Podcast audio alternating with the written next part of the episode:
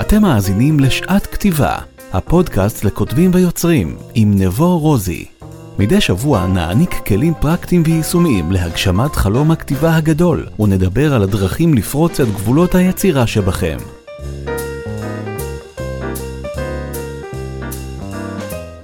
אז שלום וברוכים הבאים לפרק נוסף בפודקאסט שעת כתיבה. הפודקאסט מיועד לכותבים, לסופרים וליוצרים שנמצאים בעצם בכל שלב בתהליך. בין אם הספר שלכם כבר יצא לאור, בין אם אתם נמצאים בימים אלה בתהליכי הכתיבה של הספר הראשון שלכם והאמת, אפילו אם מעולם לא כתבתם מילה אחת. הפודקאסט הזה נוצר ומיועד בשבילכם ועבורכם, והיום אני במצב רוח מרומם מהרגיל מכיוון שקיבלתי הבוקר מתנה. המתנה הזאת הגיעה אליי ממש לפני כמה שעות ובעצם היא הגיעה בצורה של כתבה על הפודקאסט שעת כתיבה שפורסמה באתר מעריב וזה פשוט לא מובן מאליו בשבילי בכלל. אני רוצה להודות לכם שוב על התמיכה, אני מודה בכל סוף פרק, אני מאוד מאוד עסוק בהודיה, אז אני אודה לכם עוד פעם אחת, פשוט תודה על התמיכה, וזה באמת באמת לא מובן מאליו בשבילי. והנושא שאנחנו נדבר עליו היום הוא איך ליצור לעצמי קהילת קוראים, והגדרת המילה קהילה על פי המילון העברי, משמעה קבוצת אנשים החולקת אזור גיאוגרפי, ערכים או מנהגים. ואילו במילון שלנו, בתור כותבים ובתור יוצרים, המילה קהילה משמעה הזדמנות. הרעיון לספר ולטקסטים פורצי דרך או ליצירה חדשה נמצאים בראש שלנו כבר המון המון זמן, אבל אנחנו כבר מבינים בשלב הזה שרעיון בפני עצמו, זה משפט שאני אוהב להגיד המון, הוא שווה רק שקל אחד, ורעיונות ללא תוכנית עלולים להישאר במגירה למשך תקופה ארוכה מדי. השאלה החשובה היא, מה אנחנו מתכוונים לעשות לגבי הרעיון, וכבר בשלב הזה, בשלב הראשוני, אנחנו צריכים להתחיל להפיץ את הבשורה שלנו לאנשים הנכונים. אנחנו צריכים להתחיל לייצר ציפייה סביב המילים שלנו, סביב הטקסטים שלנו, סביב הרעיון שלנו כבר בשלבי ההתחלה ועד שלב היציאה לאור. לבנות סביב הרעיון, סביב המילים שלנו, משפחה של אינדיבידואלים בעלי תחומי עניין מקבילים, עם סט ערכים דומה ואולי אפילו קווי דמיון ברורים. כי כולנו חולמים שהטקסטים, המילים, היצירה שלנו יגיעו לאלפי עיניים ואנחנו צריכים להתייחס לקהילת הקוראים שלנו בתור מעלית בדרך להגשמה העצמית שלנו. כי בינינו, רק בעזרת קהילת קוראים הספר שלי, אני אצליח להפיץ את הבשורה באופן שיעצים את השליחות שלי בעולם, ובסוף הספר שלי והיצירה שלי היא השליחות שלי בעולם. לכן, אנחנו חייבים להתייחס לקהילת הקוראים שלנו כמפיצי הבשורה. הם שגרירי הרעיון בעצם, ולהתנהג אליהם בכבוד הראוי להם מעצם היותם שגרירים. אנחנו נעשה את זה באמצעות מתן ערך, וכמה שיותר אנחנו נשתף אותם באופן עקבי ברעיונות שלנו, ונעניק להם השראה עצומה.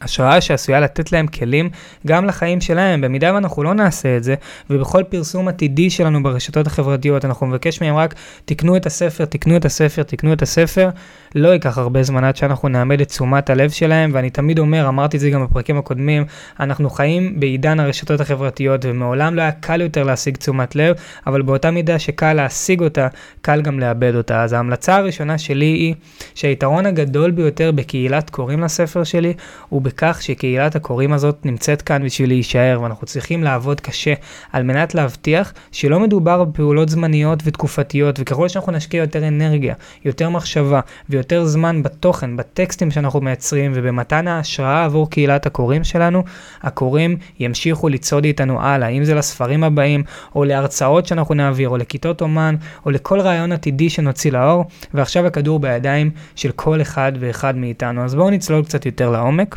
התפקיד שלנו בתור יוצרים ובתור כותבים שנמצאים בתהליך לכתיבת ספר הוא להבין כיצד עלינו להתנהג בכל אחת מהפלטפורמות של הרשתות החברתיות ובעצם להתאים את עצמנו אליה על מנת לספק לעוקבים שלנו, לקוראים שלנו, את החוויה הכי טובה שאפשר לייצר מהפוסטים ומהפרסומים שלנו. לכל רשת חברתית בעצם יש שפה משלה ולכל פלטפורמה יש מטרה אחרת. כשאני נכנס לפייסבוק, אני מצפה לקבל חוויה מסוג אחד, מתוך סט ההרגלים והתחביבים שלי, ולאחר מכן, כשאני נכנס לאינסטגרם, אה, או כשאני נכנס לקבוצות הוואטסאפ שאני חבר בהן לקרוא הודעות, אני מצפה לסוג חוויה אחרת לגמרי. לכן אנחנו גם צריכים ככותבים להתאים את הטקסטים שלנו לפי סוגי הפלטפורמה. ומבחינתי הפלטפורמה הכי חשובה היום, זה עשוי להפתיע את חלקכם, היא וואטסאפ. וואטסאפ היא הפלטפורמה החברתית הכי חשובה לדעתי לכותבים בשנת 2021.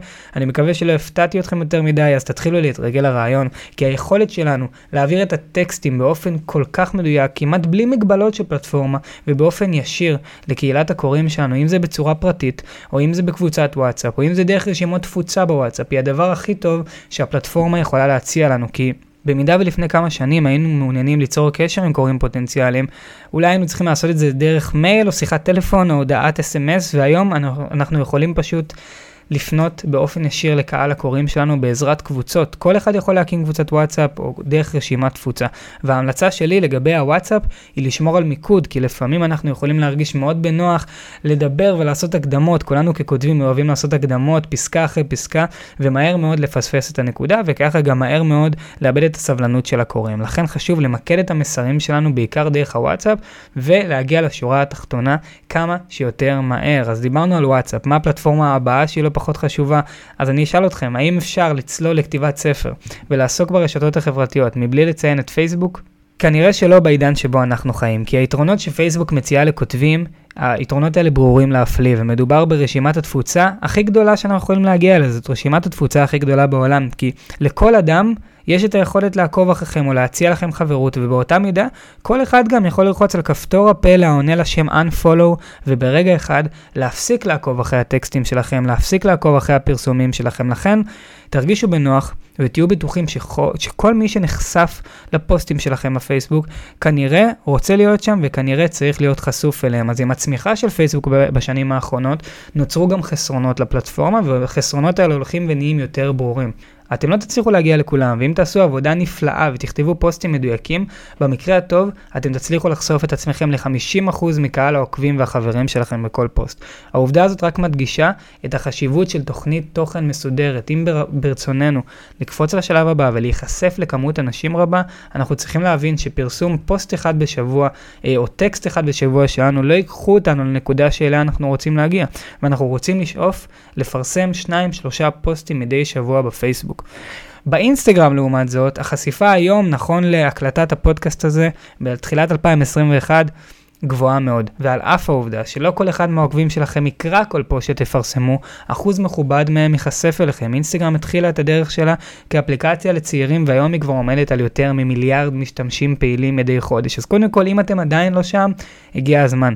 כי יתרון הפלטפורמה הוא הדגש על הוויזואליות, בדרך כלל בצורת תמונה מרובעת, ודרך טקסטים קצרים יחסית. הקצב בפלטפורמה, הקצב באינסטגרם, הוא הרבה יותר מהיר מאשר פייסבוק, ולכן עלינו לעבוד דרך פרסומים קצרים וקולים. במידה ואנחנו רגילים לפרסם פוסטים ארוכים, אני מציע לכם צאו לסיור מקיף ברחבי אינסטגרם ותתחילו ללמוד את הרגלי הצריכה של המשתמשים בה ולהתאים את עצמנו אליה.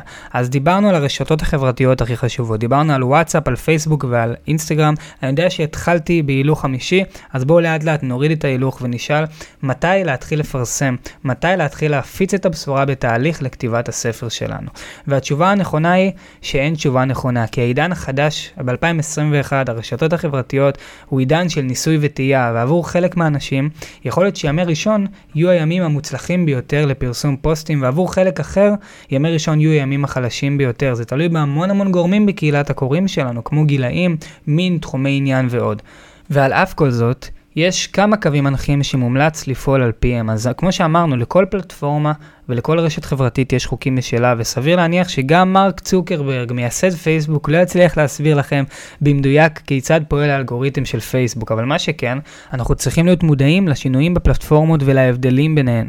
ימי שישי, ימי שבת וימי ראשון הם הימים בהם הפייסבוק גועש, בעיקר בשל זמן השהות הממוצע בפלטפורמה בסופי שבוע, שאיכשהו גם מצליח לגלוש לימי ראשון, אז מומלץ להקדיש את ימי שישי, שבת וראשון לכתיבת התכנים עצמם, ולשמור את הפרסומים והפוסטים שלכם להמשך השבוע. מהניסיון שלי, ימי שני וחמישי בצהריים, בין השעות 12 ל-3 בצהריים, אלה נקודות הזמן האפקטיביות ביותר להתחיל לפרסם בפייסבוק ולהתחיל להפיץ את הבשורה. ובאינסטגרם לעומת זאת, השעה העמוסה ביותר היא ביום שישי בצהריים. מדובר בשעות הפריים טיים של הפלטפורמה, ובניסיון שלא ללכת לאיבוד בין כמויות הפוסטים האדירות בימים האלה, מומלץ לפרסם בימי שישי בין השעות 3 ל-4, וככה גם להצליח ליהנות מחשיפה רחבה.